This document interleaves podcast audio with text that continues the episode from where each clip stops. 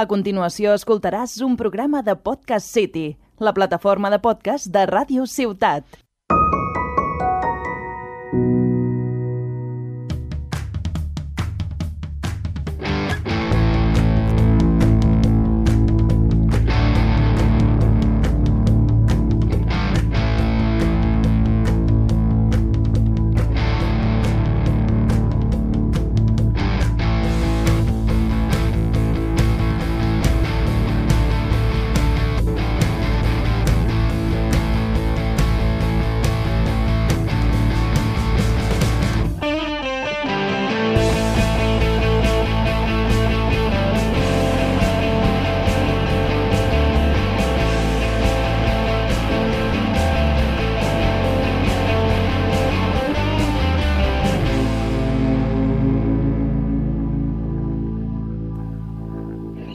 Hola, bienvenidos a Te que te pica, programa número 14, primer programa de 2022. Me acompaña Expo otra vez más. Buenas tardes. Y si está Expo se habla o de fútbol o de cine. Hoy vamos a tope con el fútbol.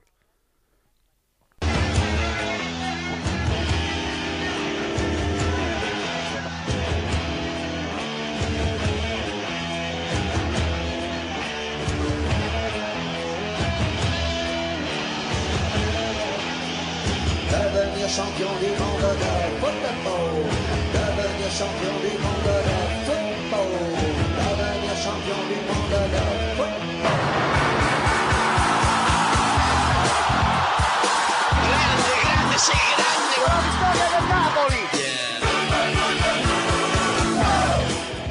A finales de 2021, eh, Prime Video tuvo la genial idea de sacar la serie de Diego Armando Maradona, al menos desde sus inicios, bueno, sus inicios, que es cuando nace, hasta eh, la consagración como campeón del mundo, ¿no?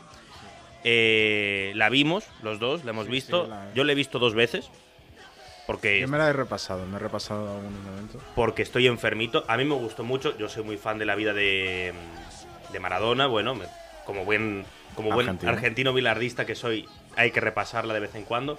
Y creo que, a pesar de que no es la serie perfecta, por supuesto, No, es una serie muy bien lograda y que creo que puede ayudar a mucha gente que no conozca tanto a Maradona para eh, conocer a la figura del el astro argentino.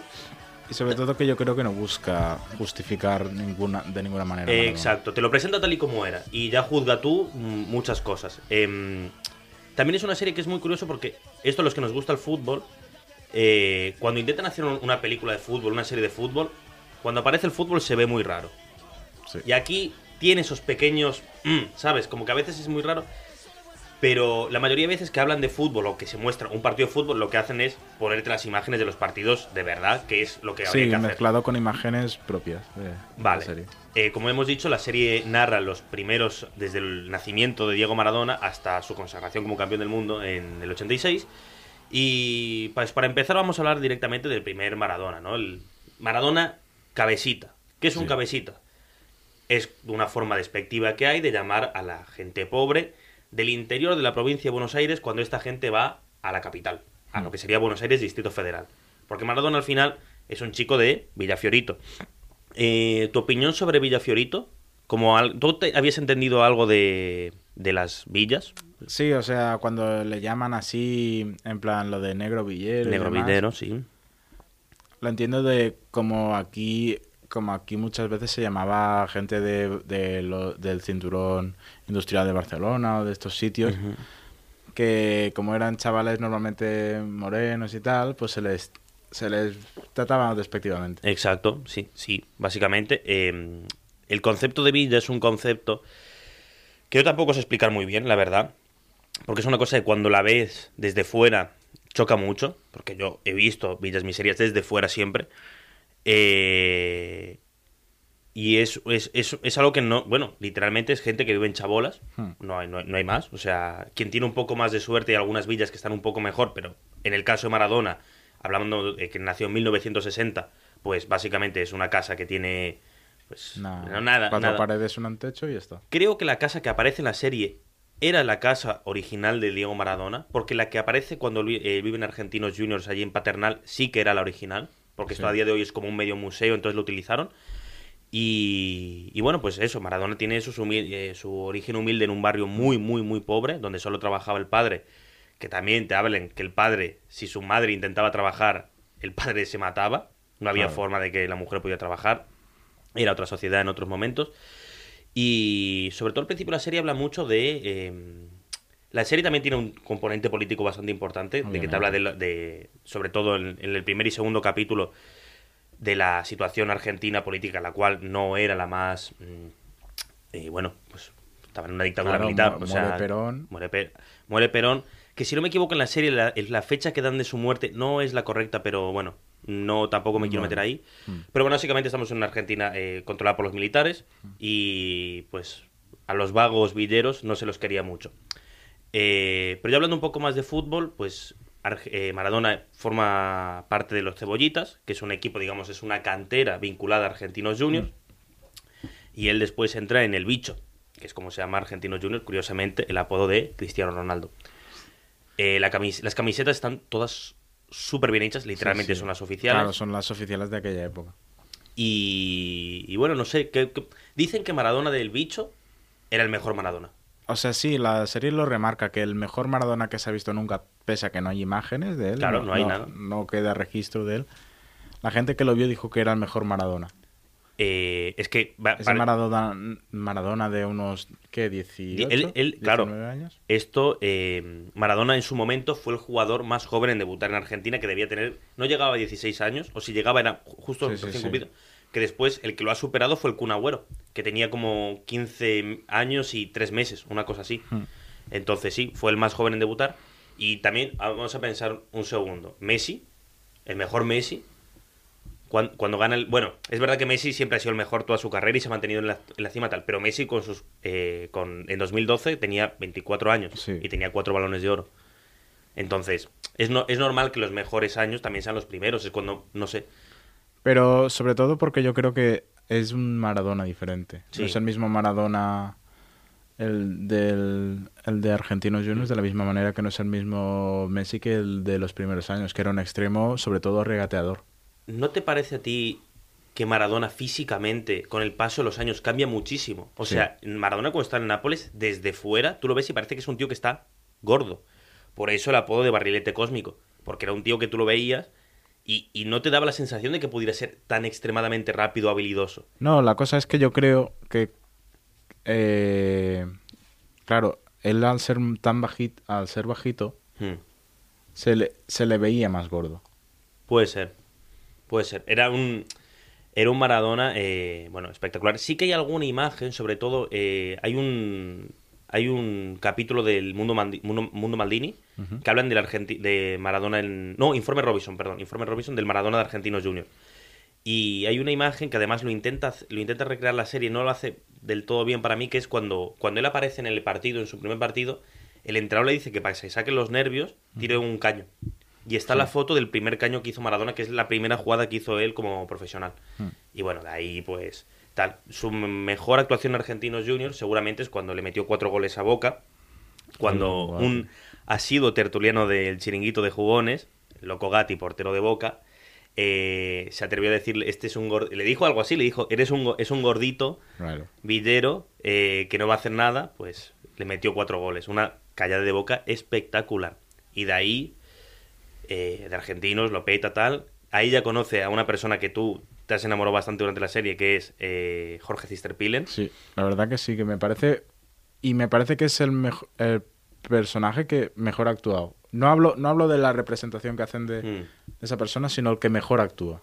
Puede ser. El, el actor es, ahora voy a decir el Peter nombre. Lanzini. Peter me Lanzini, Me parece exacto. que de, de verdad Mm. es un muy buen actor. No lo conocía, ¿eh? Ya, a mí me de haberlo visto en algún momento. Bueno, en esta serie, además, eh, hay que decir que el, que el, que el elenco, en cuanto a actores argentinos, son muy buenos todos. Juan Palomino, que es el que hace el Diego Maradona mayor. Ah, bueno, por cierto, una cosa que no hemos dicho, que es la serie, empieza no con, no con el Diego pequeñito de la villa, sino la serie, los primeros capítulos, sobre todo, menos el último, creo, giran en torno a, a Diego Maradona en el año 2000. Está a punto de morirse por una sobredosis Sí. de, de cocaína, de alcohol, bueno, de todo. eh, De todo un poco. pues sí. Y de cómo se llevó eso, eh, acompañado de su representante del momento, El eh, Guillote. El Guillote eh, Coppola, del cual después hablaremos también, porque es uno de los personajes más, no sé, Pintorescos, digámosle. más extravagantes de la historia de Argentina, no de la serie y no de la vida de Maradona, pero bueno. Eh, entonces, como que él va teniendo. No, no es que va teniendo flanchas, pero como se remontan al pasado, ¿no? Claro. Pues el actor que hace de Diego Maradona mayor, cuando está a punto de morirse, Juan Palomino, era el actor que Diego Maradona, cuando todavía estaba vivo, había elegido para que si algún día se hacía una película de él tal, lo interpretara, porque decía que, bueno, que se, Se veía muy se reflejado. parecían mucho. Y se parecen. él. Todos se parecen bastante a él, sobre todo para mí el que Nazareno Casero, que es el que hace de él cuando está en Nápoles. Sí, hay momentos de en- que llega en Barcelona. Exacto, hay momentos en los que tú ves la pantalla y, y hay veces como dices, es que está tan bien hecho que no te lo crees. Además la forma de hablar, todo, que Maradona gesticulaba un montón Sí, y sí. la cabeza que siempre te hacía como nada y tira la cabeza para atrás, lo, lo clava a perfección. Y la que hace de... mm, ¿De ¿cómo Claudia? De Claudia, cuando es pequeñito, o sea, la primera vez que aparece Claudia es eh, la que hacía de Patito Feo, tío. Sí, que no me sale el nombre ahora, macho. Eh, está por aquí, lo tengo aquí, no, no la voy a encontrar ahora, macho. Es muchísimo. Ya decí- me- digo, me sonaba la, la actriz. No lo busqué. No, no lo voy a encontrar ahora, pero sí, eh, es la que hace de... De Patito Sí, Feo. mira, le- Laura Natalia Esquivel, eh, la que hacía de Patito Feo, es la que hace de, la, de Claudia más joven, que también está súper bien logrado. Bueno, y la madre... Figura, figu- figura muy importante la madre. Sí, sobre todo porque yo creo que eso pasa mucho en... Yo creo que es más cultura mediterránea, no Mm. solo pa- de países en concreto, de que la madre tiene mucha importancia Muy- en, en, en, en el hijo, ¿sabes? Sí, En plan que la mayoría de países mediterráneos, y en eso incluyo a Ar- Argentina, porque al Sí, final sí, sí. es una mezcla de Italia y Mm. España, eh, la, figura materna es como muy importante, más, más incluso que la del padre. sí, no, no. En, en la, en la... Bueno, lo que te dicen es como que el padre está todo el día trabajando en una empresa de, de transporte cárnico. Sí, algo así. Que literalmente después cuando llega a casa lo único que hay que hacer es hacerle masajes porque no aguanta más y la madre es la que se encarga de todo, todo, todo y una madre muy sobreprotectora además con su hijito porque en ese momento, o sea, tenía hijos más pequeños que por cierto uno era Hugo Maradona que falleció Hace poco. hace, el, el 28 de diciembre falleció el hermano Hugo bueno, el hermano no es el más pequeño porque está Lalo después, pero bueno Em, y bueno, así transcurren los primeros años. Él eh, de la nada consigue una audición milagrosa para cebollitas. De cebollitas pasa a argentinos casi del, del tirón. Sí, sí. Hay un momento muy bonito que es cuando. que esto es muy, esto es muy famoso en Argentina, que es el, el- el- la entrevista que le hacen cuando él tenía 11, 12 Sí, años. sí, algo así. Que es que le preguntan eh, cuál era su sueño, todo, porque ya veían en él muchísimo potencial. Es como si fueran a entrevistar a Messi con 11 años, cosa que no pasó. O sea, sí, pero no en nivel de sacarlo en Y sobre televisión. todo también el de su primer entrenador. Sí, Es un actor argentino que yo lo descubrí por una película que se llama Días de vinilo. sí, que interpreta a un... ¿No interpreta a un, acto- a un cantante rock, este hombre? No, interpreta a... O sea, es una de esta película de cuatro amigos que les gustan mucho los Beatles y tal. Es, es muy buena Es- la es- recomendación, ¿eh? Este, este hombre, lo voy a buscar ahora. Tengo aquí una lista de todos los actores, que hay muchísimos. Por ejemplo, también aparece después haciendo de, de Signorini, el, el preparador, eh, el preparador físico. Es el que hacía eh, la serie mítica argentina, em, eh, Los Sustitutos. ¿Sabes Hostia, cuál digo? no. Vale, vale, pues es... Bueno, es que son todos actores muy míticos que están metidos en Mm. todo. El actor que tú dices es eh, Ferran Miras. Ese. Este, sí, sí, sí. Eh, bueno, pues cuando pasa Boca ya empieza a conocer un poquito... O sea, Maradona es un tío que no hay un momento en el que empieza a volverse Diegote. Eh, Bueno, Diegote es la expresión que inventó Renaldiños, sí. para mí. Eh, cuando Maradona deja de ser la figura esa deportista y pasa a ser la figura pública que con altibajos, rey de la noche, eh, mujeres, droga, pues lo que, bueno, lo que al final ha quedado más de Maradona, Claro. porque esto lo hablaremos al final, pero yo creo que Maradona, el, el peso es, es casi igual de lo que la gente recuerda, Claro. tanto la figura como eh, deportista como pública. Eh, y en Boca la- lo peta. Es que juega un añito o dos añitos. Sí, que juega- por cierto, él va a Boca porque no lo dejan irse a Barcelona, al extranjero. Hmm. Porque en ese momento, como hay una dictadura militar, los jugadores propios tenían que quedarse Claro. en el país. Y aparte que su pa- Pero él, tam- él dijo, eh, ya le dijo a su padre que nada de irse A River. A River. Aquí, aquí es lo que te digo que la serie, yo Se- creo. No, obviamente la serie se toma libertades artísticas. No, no, no, no. El, el- el padre era de Boca, eso seguro. Él era muy fan de Bocini, el jugador de Independiente. Entonces, él lo ha- eh, Maradona ha admitido muchas veces que él ha estado en la cancha Independiente por Bocini. Es más, cuando volvió a Argentina a entrenar eh, a Gimnasia Esgrima La Plata antes de fallecer, él cuando fue a la cancha independiente lo recibieron como...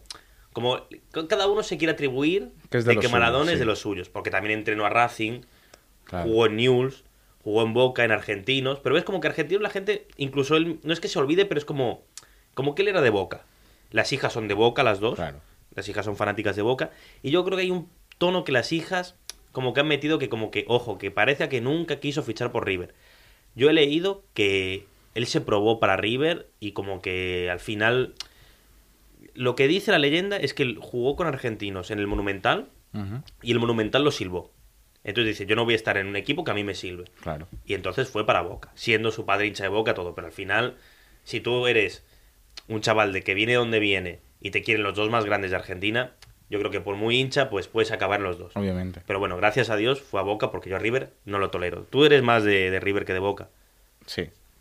Es que, es que ahí es que discu- discutimos en todo. Porque otra figura muy importante en estos primeros años para Maradona es César Luis Menotti, el entrenador de Argentina en el 78. Muy bien caracterizado también. Los dos entrenadores, tanto Menotti como Bilardo, están perfectamente caracterizados. ¿Y sabes quién más está muy bien caracterizado? Udo Lattek. ¿Tú sabes quién hace Udo Lattek? Sí, sí. bueno, El nazi de, el nazi de malditos bastardos. Sí. No podían poder coger a uno mejor para hacer de... O sea, yo creo que la, la etapa de Barcelona, toda la etapa de Barcelona Sí, está sí, muy bien caracterizada. To- to- to- o sea, la serie de verdad, eh, ya solo por la caracterización y el trabajo actoral, está muy bien hecho. No te sabré decir cuál es el mejor, porque para mí el, el guillote de, de los 2000 está clavadísimo. Sí, sí. Eh, pero bueno, ya llegaremos a hablar un poco más de eso. Pues eso, lo peta en boca. Hay unas giras que flipas que hicieron para Sí. rentalizar el fichaje, que esto no lo muestra en la serie, pero como que Boca llegó a jugar en Japón, en Sudáfrica sí, sí, algo así. para, para, para ganar pasta, para aprovecharlo, porque en un momento en la serie hay un capítulo que se llama Máquina, que es por eso, porque yo no puedo ser una máquina de dar felicidad, Claro. porque lo explotaban económicamente hasta el más no poder. Y el Barcelona, inteligente, fue a fichar a Diego Armando Maradona. O sea, el Barcelona ha tenido a Messi y a Maradona en el mismo equipo. Sí, Y a los dos se los ha echado por la puerta de atrás. sí. Es increíble. Yo aquí no vengo a criticar al Barcelona, eso ya lo hicimos en su momento. Pero por dos motivos muy diferentes. sin duda alguna. Pero, bueno, aquí, aquí te dejo hablar más a ti porque tú eres eh, más, eh, sabes más de, de Núñez que yo y de todo esto, así que expláyate lo que quieras. O sea, claro, eh, cuando llega a Barcelona, lo primero que vemos es como Núñez le dice, collons, aquests sudacas que están por... Ujú. Que me, me gusta que, lo, que, que hagan que el Núñez hable catalán de verdad, en plan, que no hagan la caracterización de... Interpretado, por cierto, por el actor que hace de Merlí, Curella. Ujú, que es actorazo. Sí, lo que se queja mucha gente es que dicen "Os- que parece una parodia del, del Cracovia y tal. No, pero es que Núñez era así realmente. Si ya lo era en las ruedas de prensa, Mm. ¿cómo sería en la intimidad? Y obviamente, llega una Barcelona de los años 80, que España acaba de salir de una dictadura, que Núñez eh, llegó a las, a- en el 78 y que, como han dicho mucha gente, es Núñez industrializó el Barça. El Barça. Mm. Digamos que él construyó el Barça de ahora. Tú puedes, eh, se puede decir muchas cosas más de Núñez, pero el Barça es a día de hoy lo que es gracias a, Núñez. Vale. Entonces, cuando llega a Barcelona y obviamente la gran mayoría de catalanes de aquella época veía a los sudamericanos como gente por civilizar. Podemos decir que al menos la serie te da a entender que la directiva del Barça veían a Maradona como eh, un monito de feria al cual explotar y. Obviamente. De- pero de la misma manera se ve que, eh, claro, Udo Late, que es ver, lo- la gran parte de, de lo representado allí es verdad. Es decir, Udo Lattek no hablaba ni papa de español, no, no hablaba nada sí, de sí. español. eh, y obviamente, claro, toda esa etapa del, del Barcelona, a mí me hubiese gustado un que hubiese salido la parte esa donde con el Andoni Goicochea, Vale. que le par- que le parte, eh, hubieran tenido palabras, en plan, ya que se toman libertades, Hmm. que algo, ¿sabes? En plan, En la fin... ¿No fue la final de la Copa del Rey? la final de la Copa del Rey. No, eso fue la pelea. Yo te hablo de la lesión. Bueno, de la lesión y de la pelea, algo, me hubiese gustado Sí, algo. es, ver- es verdad que es, que es, o sea, que, que lo que hacen, bueno, en primer lugar, Andoni Goicochea, el carnicero de Bilbao, apodo perfectamente ganado porque hace una de las entradas más feas que he visto yo en mi vida. Y mira que ha habido entradas y sangre y tal. Pero es que tú la ves esa, le va el pie de apoyo, el otro, está en- el otro pie de Maradona está en el aire y le, par- bueno, le partió el tobillo. La lesión Claro. que le quedó a Maradona en la cicatriz Fue increíble. es una locura. Que Maradona haya podido seguir siendo tan bueno como después. Bueno, literalmente le cambió todo el pie porque le, lo abrieron, le pusieron Cla- grapas. grapas, todo, y, y le tuvo que cambiar el pie. Y a día de hoy, Maradona, que eso es curioso, porque muchas veces se compara a Maradona, Messi, Cristiano, tal. Maradona, los últimos 10 años de su vida casi no podía caminar. Claro. De la cantidad de hostias que le pegaron.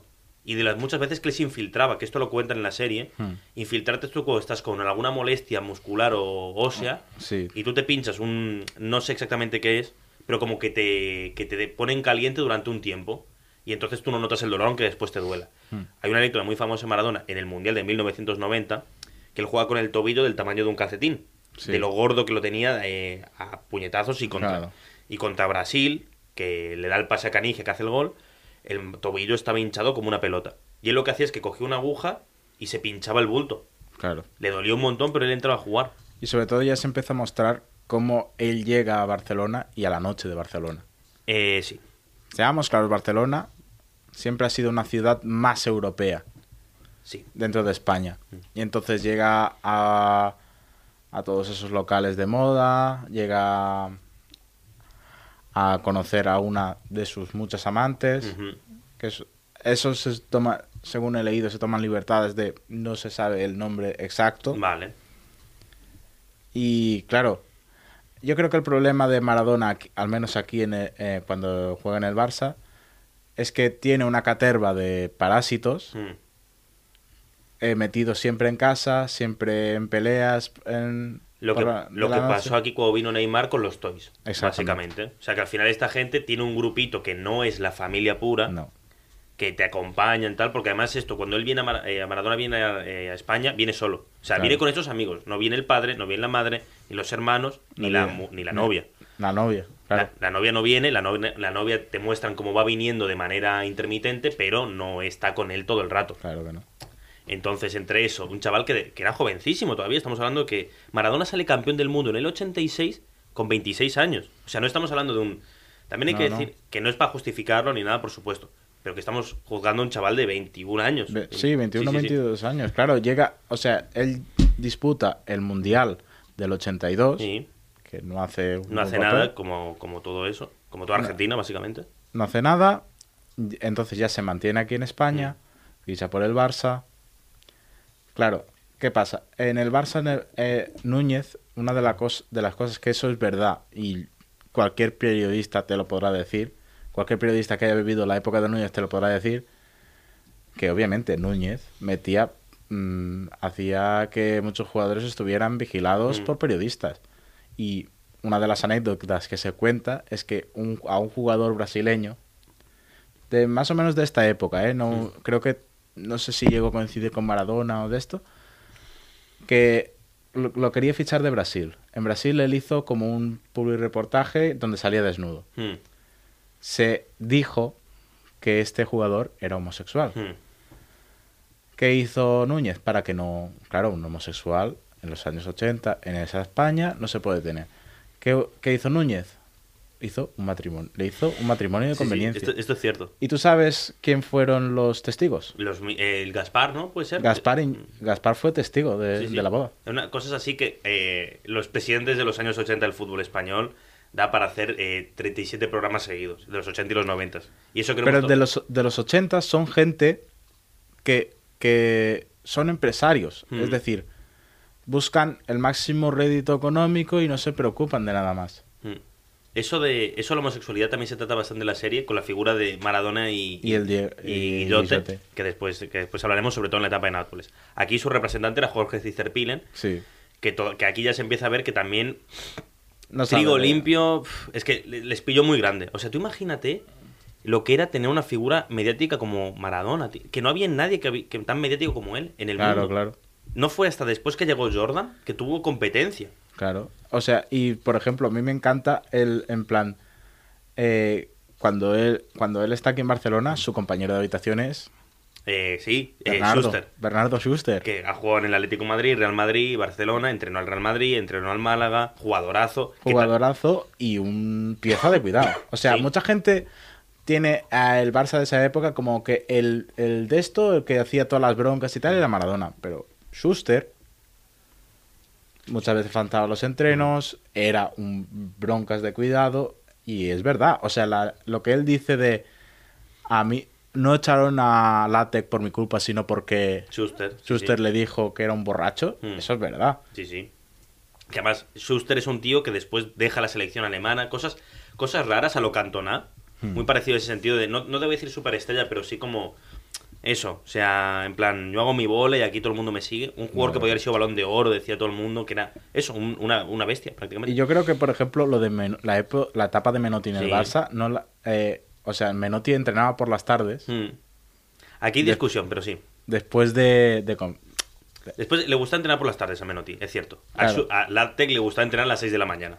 Claro, y mucha gente dice, claro, porque a esa, a, a esa hora de la tarde ya todo el mundo está de esto, porque si no por la mañana, Claro, entre la noche anterior de fiesta, tal. eh, después de la comida, después de la sobremesa. Pero ahí lo que dicen es que Menotti eh, era un tío que era como muy tenía una cultura muy de los bares. Sí. Porque en Argentina hay una cultura muy de las cafeterías y los bares, que es te juntas con tus amigos en un bar y te mantienes hasta las 2, 3 de la mañana bebiendo whisky, fumando y charlando sobre las inquietudes. Porque además Menotti sí que era un tío como muy político, muy... eh, eso, muy Era un filósofo. cultureta. Era un cultureta, sí. Era, era un panenquita Sí. antes de los panenquitas. Antes de los panequitas. Por cierto, antes que hemos dicho lo de la homosexualidad, ¿tú sabes que a Guardiola hay gente que pensaba en su momento que era homosexual porque promovía la lo- lectura? aún lo piensan, aún lo piensan. Hay ¿Ah, un sí? cántico, Bueno, que los cánticos de fútbol... no- pero...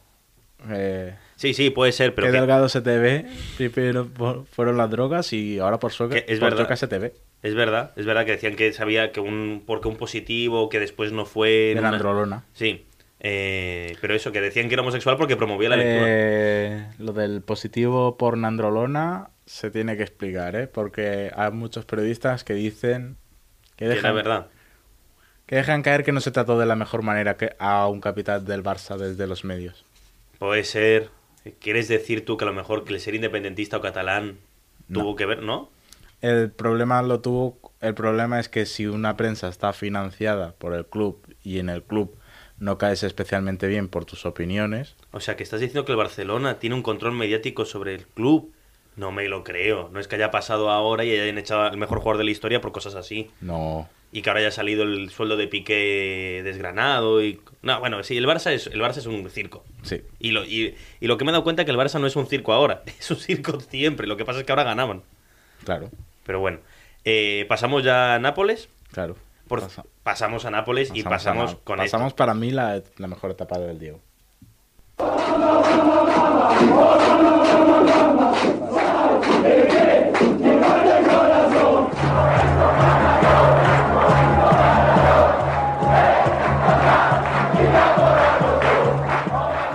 Nápoles.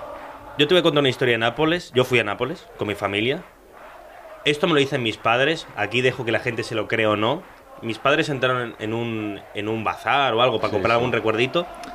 Y se notó que eran argentinos. Y dicen que no les cobraron porque todavía le debían a Diego. En plan, dice, yo a Diego no le voy a poder pagar nunca en vida lo que nos dio. Tú no... Tú aquí Puede no ser. pagas. Y yo me lo creo, porque sí que es verdad que todavía se veía toda la ciudad hecha de Maradona coches, todo, con la bandera, con la camiseta, la camiseta en todos los sitios colgado, el famoso mural que hay de su cara, Claro. de su cuerpo entero. Eh, básicamente, Maradona va a jugar a Buenos Aires 2, Sí. porque Nápoles es Argentina. La gente se putea por las calles, los coches no paran en un semáforo. eh, Buenos Aires, o sea, no se puede explicar, tienes que vivirlo. Y que Maradona fuera al Nápoles es el equivalente a que Maradona a día de hoy fuera al No, es como si Messi, el Messi de 26 años, Mm. se fuera al Cádiz. Sí, al Rayo Vallecano, a lo mejor. Bueno, es que. pff, No, vale, al Cádiz. Al Por- Cádiz. Por, por Sí, la cultura de fútbol que hay. Exacto, porque estamos hablando de, una, de, un- de la región del sur de Italia, eh, que ahora hablaremos del racismo y de cómo los del norte son un poco hijos de puta, se puede decir tranquilísimamente. Pero bueno, la cuestión es que Maradona lo tienen que acabar echando del Barcelona porque con Núñez ya la relación está completamente rota. ¿Sabe? Sí. Los que le rompen el coche en, ese, en el capítulo. Los morenos, sí. que son los morenos. Yo, yo ya lo he explicado muchas Mm. veces. Los morenos eran la Guardia Pretoriana de Núñez. Eran Mm. de un grupo de ultras que luego acabó siendo los Boschus Noise. Para que quede claro, ¿eh? Y, y eso a cualquier Boschus, cualquier tío de Boschus Mm. que tenga más de 50 años te lo va a confirmar, que alguna vez fue de los morenos. Y Luis Canut te confirmará que le pegaron una paliza. Luis Canut, que esta semana salió diciendo que Piqué cobra 20 millones y Piqué ha puesto un tuit de su nómina, la mitad de su nómina. El que enseña la nómina para no repartir es un parguero. Es verdad, ya podría dar un, o sea, ya podría dar un 2%. Piqué, hazme un bizum. Eso estaría. Ahora que sabemos, él puede hacer Bizum. Va, Claro. Y puede hacer bastantes Bizum. Concretamente puede hacer 200, eh, 2 millones de Bizums de un euro. De entre cuentas de la caixa no te cuesta comisiones. Además, tío, se lo está poniendo fácil. Pero no, bueno, eso que, que sí. Los morenos, eh, la Guardia Pretoriana de Núñez. Y bueno, eso que al final, eh, tras una pelea con, en, contra el Leti de Bilbao, literalmente una batalla campal, en la cual Maradona pega, deja noqueado al portero Sí. bilbaíno. Eh, un- bueno, un partido muy caldeado, sobre todo por lo que habíamos visto anteriormente con la. Con, bueno, que Cochea le partió Claro, la- por la eso pierna. a mí, pero eso, para, eso a mí ahora me extraña que haya mucha amistad entre aficiones del Athletic de Bilbao y el Barça. No somos, siempre hemos sido de, de pegarnos. Y de- sobre todo la Copa del Rey, que es la competición que el Madrid no quiere y la pelean estos dos equipos. Es verdad, Sí. efectivamente es cierto. Pero, y debía ser Caldea en los 80, ¿eh? Después de Franco, Claro, ¿quién, quién, quién entrenaba ese equipo? Javier Clemente, Hostia, buah. el que inventó los ocho, los ocho centrales. Que, el sistema que- de ocho que eso centrales. siguió hasta... Bueno, que Clemente es que, es que Clemente es No, un de, mítico de de cinco aquí. centrales. Bueno, pero Tres ocho- centrales y dos mediocampistas que eran centrales. Bueno, yo he visto un partido Argentina-Irán en el Mundial 2014 que eran 10 se- 10 defensas y un... Bueno, 9 defensas y un Te delantero. recomiendo ver algún partido de España del Mundial 98. Eso sí que es fútbol. Clemente. Que, que, entrenó a todo el mundo después, o sea, Sí, los sí. Asuna, además estos equipos del norte, ¿eh? donde, donde, Obviamente. donde le pega. Eh, conoció al rey de España, Sí. Maradona. Y me, me- o sea, yo creo que es una de las mejores. Es solo un cameo, en plan, solo es un, una- un par de escenas. Pero coño, está bien caracterizado. Sí, es sí, decir, es un tío que le suda. se la- a Juan Carlos I se le sudaba el protocolo. Sí, sí. A día de hoy sabemos con a creces de que al rey Juan Carlos I se la sudaba Obviamente, de la misma manera que existe el Diego y el Diegote, existe el Juan Carlos Y Juan Carlos. y el Juan Carlos. Es que en lo que no se muestra, o sea, el Diego se hizo una raya de cocaína en el Palacio Real. Sí, ¿Ha sido lo único? no. Aquí no vamos a dar nombres y tal, pero seguramente no haya sido el único. Pues eso, ahora ya estamos en Nápoles, tienen que sacarlo de allí, además Jorge Sisterpilen, por lo que te cuenta la serie, ya veía que alguna inversión que había hecho salió bastante, bastante mal, entonces necesitaba dinero como fuera, y lo venden al Nápoles. Sí. Un equipo que tiene que recurrir a la mafia para poder ficharlo. Bueno, en el San Paolo empezó a jugar Diego Armando Maradona, una camiseta que es preciosa, la gente lo recibe como un dios prácticamente que en la Claro. tierra. El recibimiento de Maradona en el San Paolo es mil veces mejor cualquier recibimiento que ha sufrido ningún futbolista. Por encima del de Cristiano Ronaldo en el Bernabéu, No, no, Neymar, Zlatan, lo que quieras. Maradona llegando a Nápoles es una locura. Porque Cristiano cuando llega sí que es muy multitudinario y tal, pero es uno más de, Mm. de la, de esto. Pero claro, es que es eso, llega a un sitio muy al sur de Italia, muy empobrecido, muy... De esto llega Dios. Sí, sí. Sí, sí. Y cumplió su promesa. Que esto es lo que siempre le, le remarcan los italianos. Eh, que él dijo, bueno, los napolitanos, que él fue a Nápoles y dijo, yo voy a ganar aquí un escudeto. Y ganó un escudeto. Y una Copa UEFA. Que siempre decía que los del norte siempre prometen y aquí nos dan nada. Y yo vine aquí, prometí y gané. Que por eso las semifinales contra Italia en el Mundial 1990, que se juegan en el San Paolo, Hmm, la gente iba con Argentina porque Sí. estaban en- en- en tierra de Maradona Obviamente. Que Argentina elimina a Italia, la anfitriona en penaltis, lo cual lleva a que en la final, en el Olímpico de Roma, los italianos, que quien no lo sepa, yo soy medio italiano y les tengo mucho cariño, pero se comportaron como unos monos silbando el himno de Argentina. Y está la famosa imagen de Maradona insultando, Hijos de puta. sí, hijos de puta gritándoles a la cara, justo cuando la cámara se le pone delante, porque el Diego otra cosa no, pero cuando había una cámara se volvía Loco. loco. Bueno, llega a Nápoles. Lo que no hemos mencionado antes de Barcelona es que ya había consumido cocaína en Barcelona. Pero- es donde él empieza. Justo. Obviamente, pero es al final. Como O se sea, si de, verdad, si de verdad es así, podrían haber dicho, no, él llega a Barcelona y la primera noche en Barcelona se mete tres rayas en, Mm. en la sala Apolo y demás. No, es cuando ya se está yendo. Como ya está, bueno, se fue con unos 23 años, una cosa así, sí, más o menos. Eh, y bueno, pues fue a jugar para el Nápoles. Y además de jugar para el Nápoles, jugó para la ciudad de Nápoles, porque ahí ya conoce a Guillote. Y cuando aparece Guillermo Coppola, sustituyendo a Cisterpilen como su manager, se vuelve loco, porque, Mara- porque Cisterpilen era un amigo. Pero ahí conoció a un loco, a un empresario, eh, bueno, que eso, que, que lo convierte, lo, lo, lo- lo pone en el foco mundial. Si ya era el más mediático del mundo, pues con Cisterpilen se pone, eh, con Coppola se pone en Ah, otro, nivel. Lo convierte en una superestrella. Contratos patrocinados, eh, todo, todo. No, no hay forma de explicar la, la relación esa. Y supo hacerlo bien el cabrón. Hmm. Sacando una cantidad de rédito económico brutal. No, no, o sea, toda la etapa de... Y sobre todo, bueno, esto es posterior, pero claro, es que es eso, él llega a una ciudad y él se hace capitán en, en, en pocos partidos Hmm. de, ese, de ese equipo. Sí, sí, y, y ya no solo eso, que él no te muestra en la serie cómo se va de Nápoles, porque él se va un poco mal de Nápoles, y eso no lo no se lo perdonó él nunca, de cómo los abandonó. Pero también es verdad que le decía, es que ya no puede ni caminar por la calle. Claro. Es una cosa de, de, de- si estamos hablando de 1980, no estamos hablando del 2020, que No. ahora me- Cristiano no puede poner un pie en Gran Vía. No. Pero es que allí no había móviles, no había nada, la gente se te tira en el coche, te levanta, Claro. tal y cual. Y bueno, en Nápoles, pues es el mejor Maradona, seguramente. O sea, si hemos dicho que el argentino seguramente fue el mejor que no se vio, el que se vio en Nápoles era un salvaje, Ah, directamente. Era, era él, era un equipo. No, no, no es que los demás fueran palos, No, pero, Pero- obviamente él- pero era él.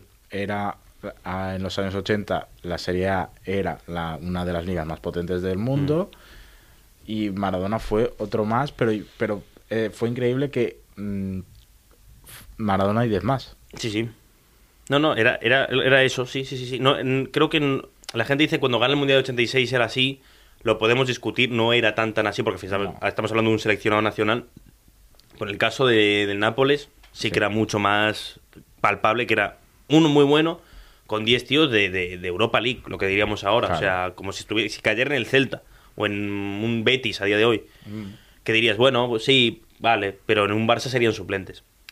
Y lo que tú has dicho antes, ¿verdad? La serie era una liga muy competitiva porque el norte estaba dominado por la Juventus de Platini y el Milan de Que lo que hacían era, pues eso, cada vez que el Nápoles tenía la osadía de salir de su ciudad y llegar al norte, pues decir que olían a basura, que, bueno, todo lo que marca en la serie y que, que bueno, era racismo prácticamente. Claro.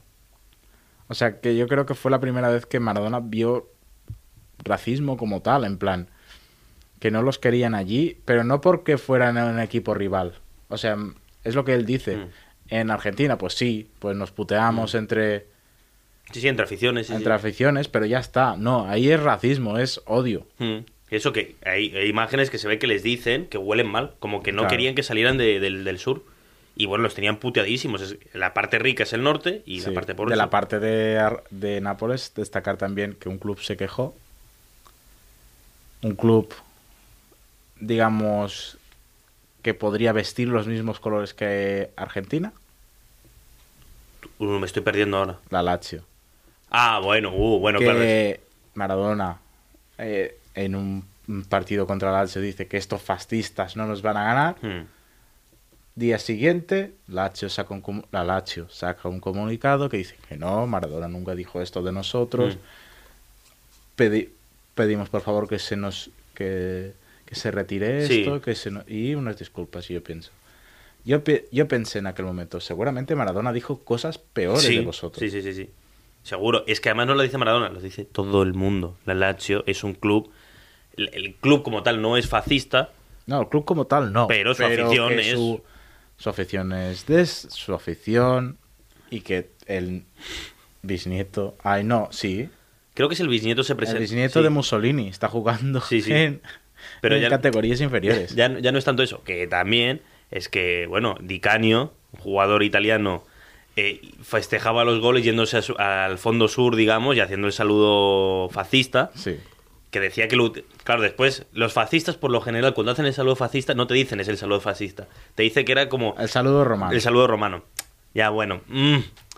Y hace poco, el- la, la sus, eh, su signo es el águila, el águila imperial. Signo fascista. Pero bueno, da igual.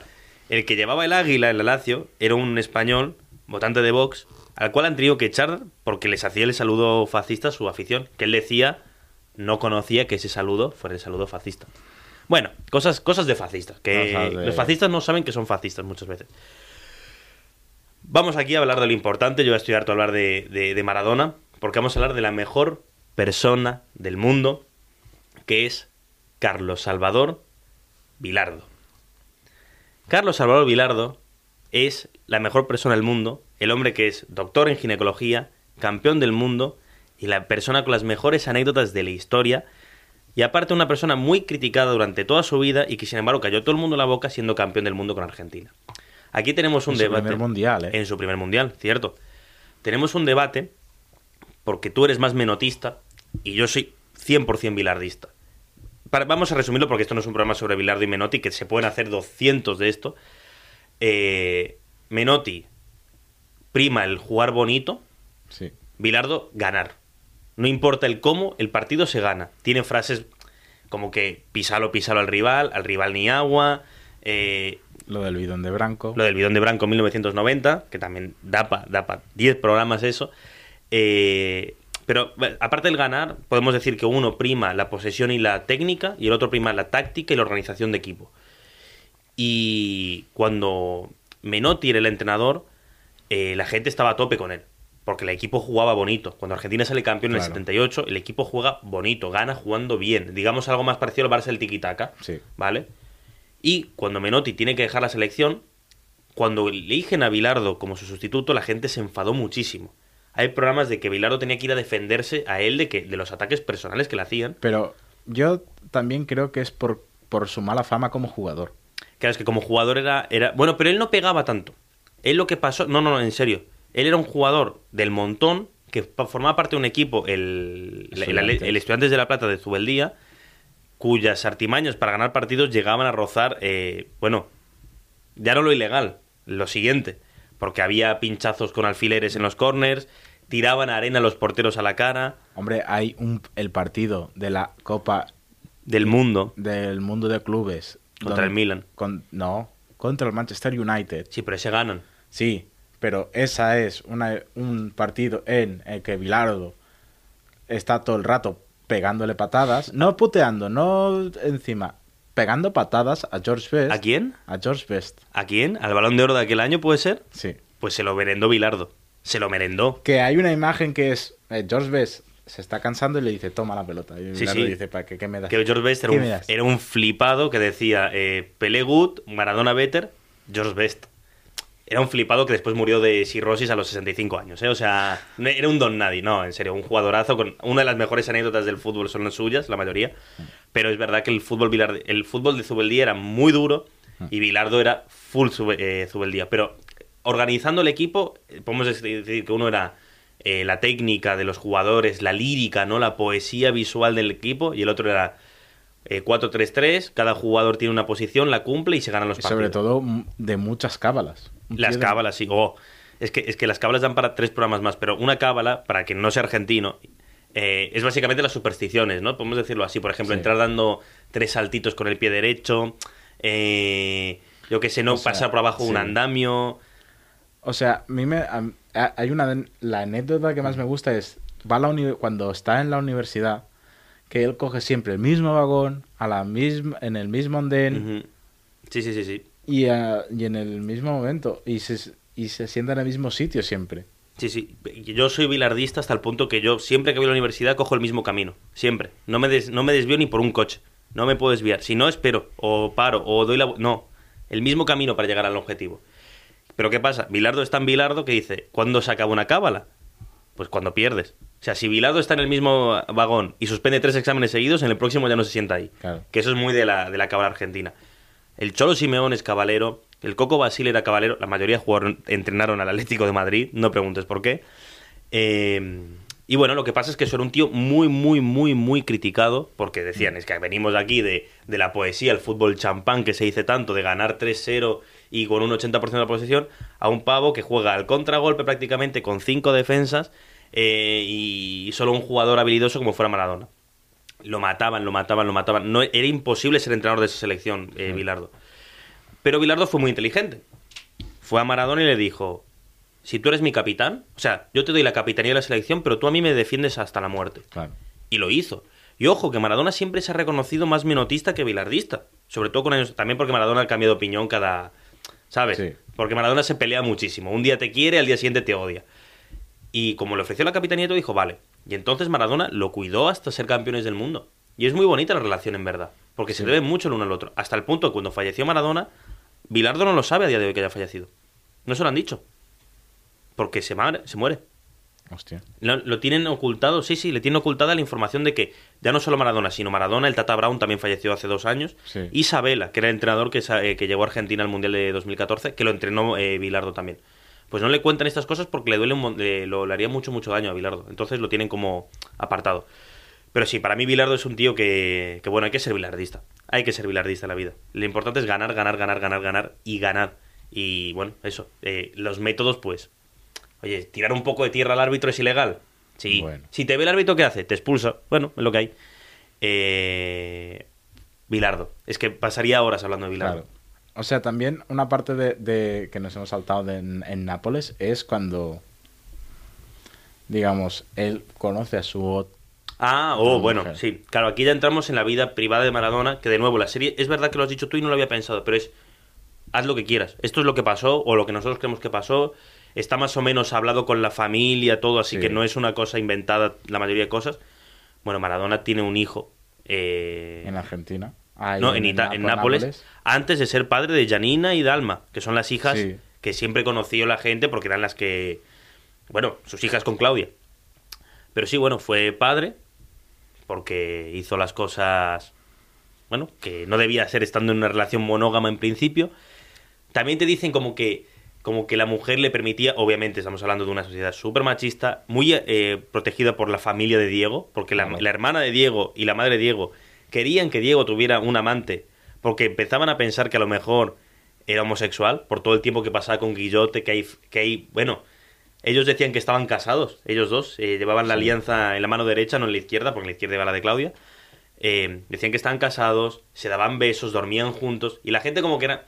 La madre empezó a sospechar un poco, que dice una frase muy buena la madre, obviamente falsa, que es, no, no, los homosexuales no juegan a fútbol. Ya estamos, claro, 1980. Pero, claro, estamos es que, en ¿qué 2022. queremos? ¿Qué queremos? Ya, ya, bueno, pues eso. Y entonces le organizan una cita con la Cristiana Ferra, eh, Signorini. No, Sí. uy, Cristiana, ahí no lo tengo aquí, perdón. Eh, ¿en ¿Dónde está? Cristiana eh, Sinagra. Cristiana Sinagra, con la- cual la deja embarazada. Y Maradona, estamos hablando de 1986, no reconoció a su hijo Diego Jr. Hasta hasta, el 16. Sí. 30 años después. Sí, sí, sí, es una salvajada si te lo paras a pensar, lo, lo mucho que tardó en, en reconocerlo, cuando las pruebas eran completamente evidentes. es, es- es, es igual. es igual. Y jugaba en el Nápoles. Sí. Es verdad, fue, jugó en las inferiores del Nápoles y en la selección italiana en las inferiores también. Eh, después, cuando ya te reconoce tu padre, bueno, y eres hijo legítimo de Maradona, Ya pues, te suda un ya te suda el fútbol. fútbol, te suda todo. Eh, y todo esto lo pasaba mientras Argentina tenía que preparar el Mundial del 86, el cual era en México.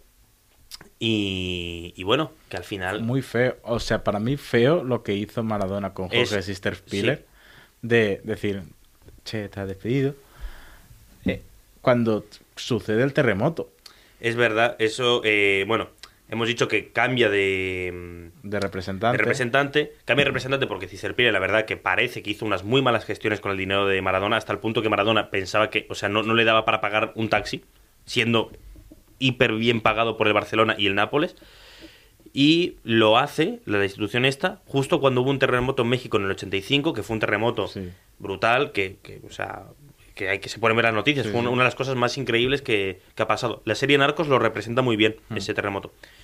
Y, mm, y bueno, pues lo, eh, Pillen, la casualidad que está en México, cuando se entera que Cesar Pillen está vivo, le dice, ya no eres más representante. Y Cesar Pillen se acabó suicidando. Hmm. Sí, sí, que tiene un final trágico, el pobre. Eh, que para mí, ¿ves? Es una figura que, que es más, para mí, más positiva que negativa, tío.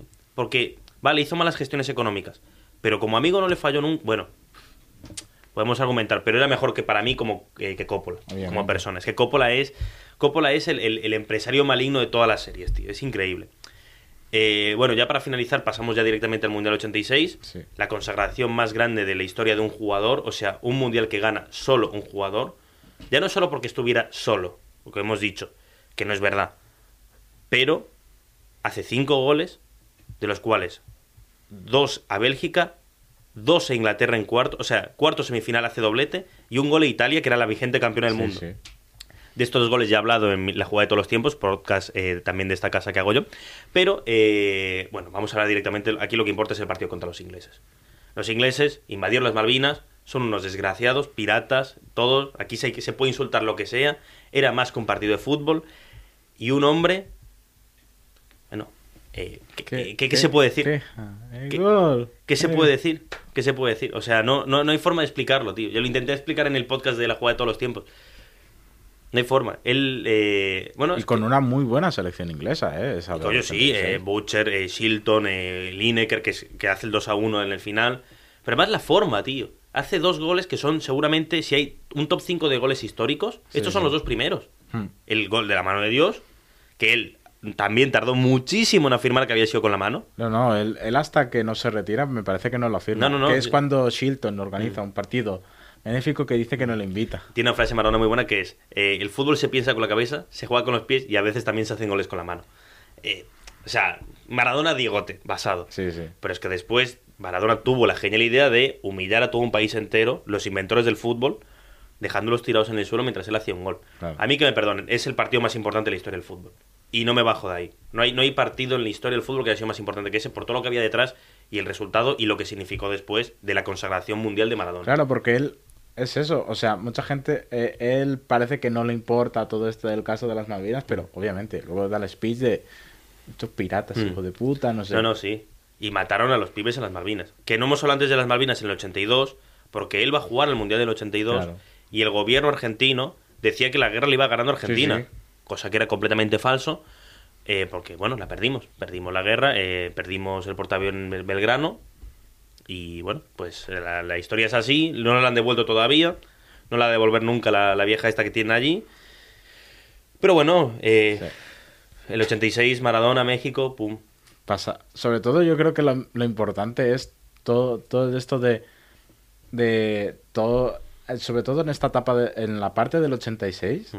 de los capítulos del, 80 del Mundial del 86, es sobre todo la relación que él tiene con, con Pasarela. Sí, sí, bueno. O sí. sea, que es el gran capitán, el gran de esto, hasta que llega Maradona, hasta que llega Bilardo, le da la capitanía a Mm. Maradona, digo, y dices, hostia, claro, se llevan tan mal, aparte de que en el Mundial del 78 Mm. ya se llevaban mal, Es, es muy, es muy, es muy, es muy, es contraposición, ¿sabes? Sí. Son dos personas completamente distintas.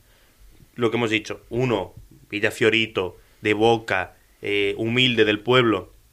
El otro, River Plate, capitán en el 78, eh, jugador, uno de los mejores defensas de la historia. O sea, uno, Sí, sí.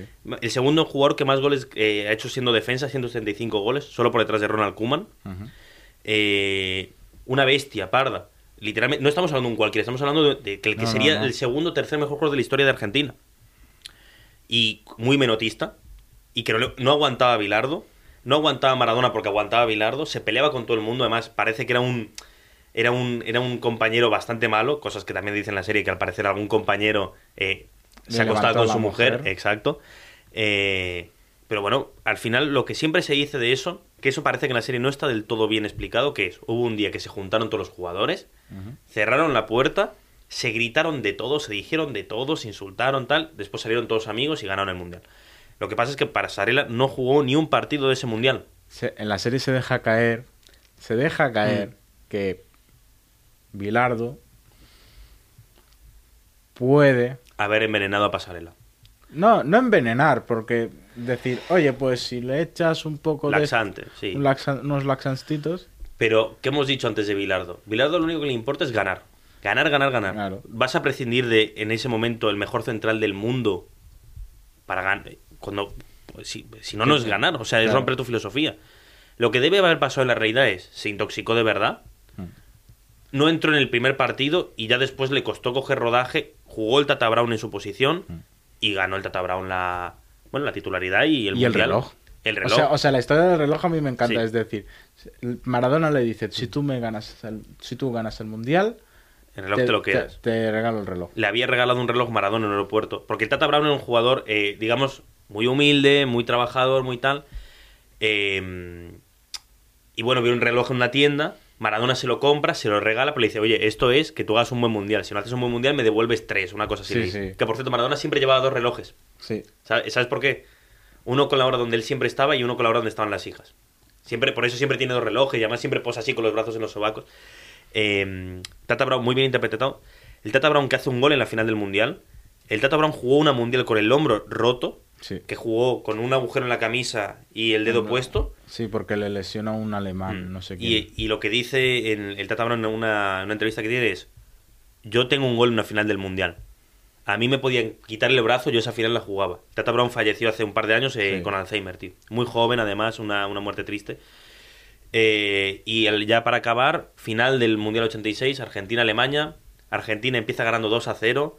Partido fácil, tranquilo. Le hacen dos goles a Argentina de, de, de tiro de esquina, o sea, de córner. Sí, sí.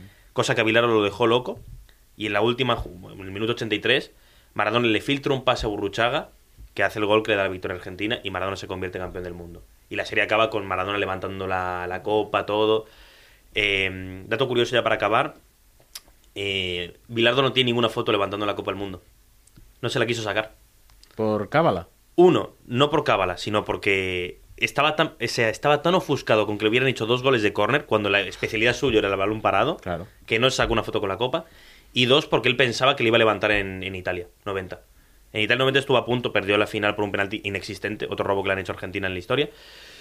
Pero bueno, esperemos que haga una segunda temporada. No creo que la hagan. Estaría muy guapo, porque ahora empieza lo bueno. Estaría, o sea, todo cuando él gana, eh, o sea, él gana la, la- el Scudetto, gana la, la Copa de Italia, hace doble, Claro. o sea, hace doblete en su segundo año. Sí, sí, sí, sí. Bueno, ter- bueno, después de, después de tal, sí, pero sí. Sí.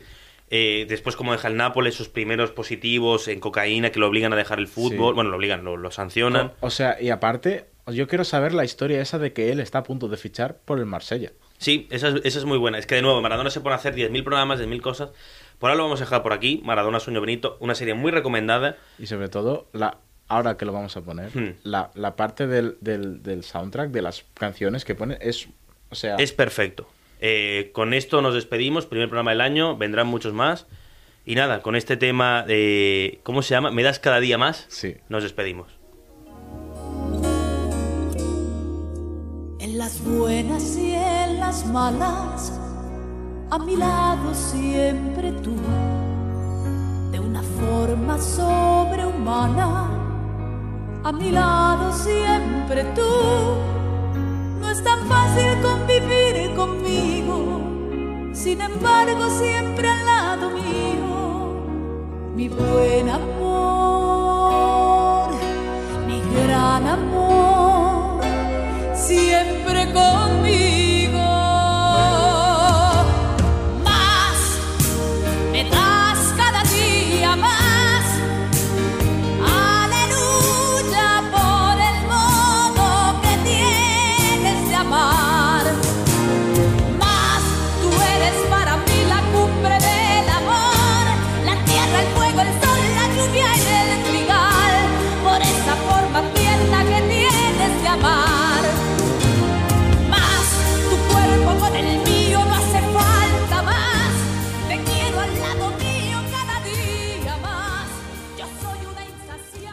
Has escoltat un programa de Podcast City, la plataforma de podcast de Ràdio Ciutat.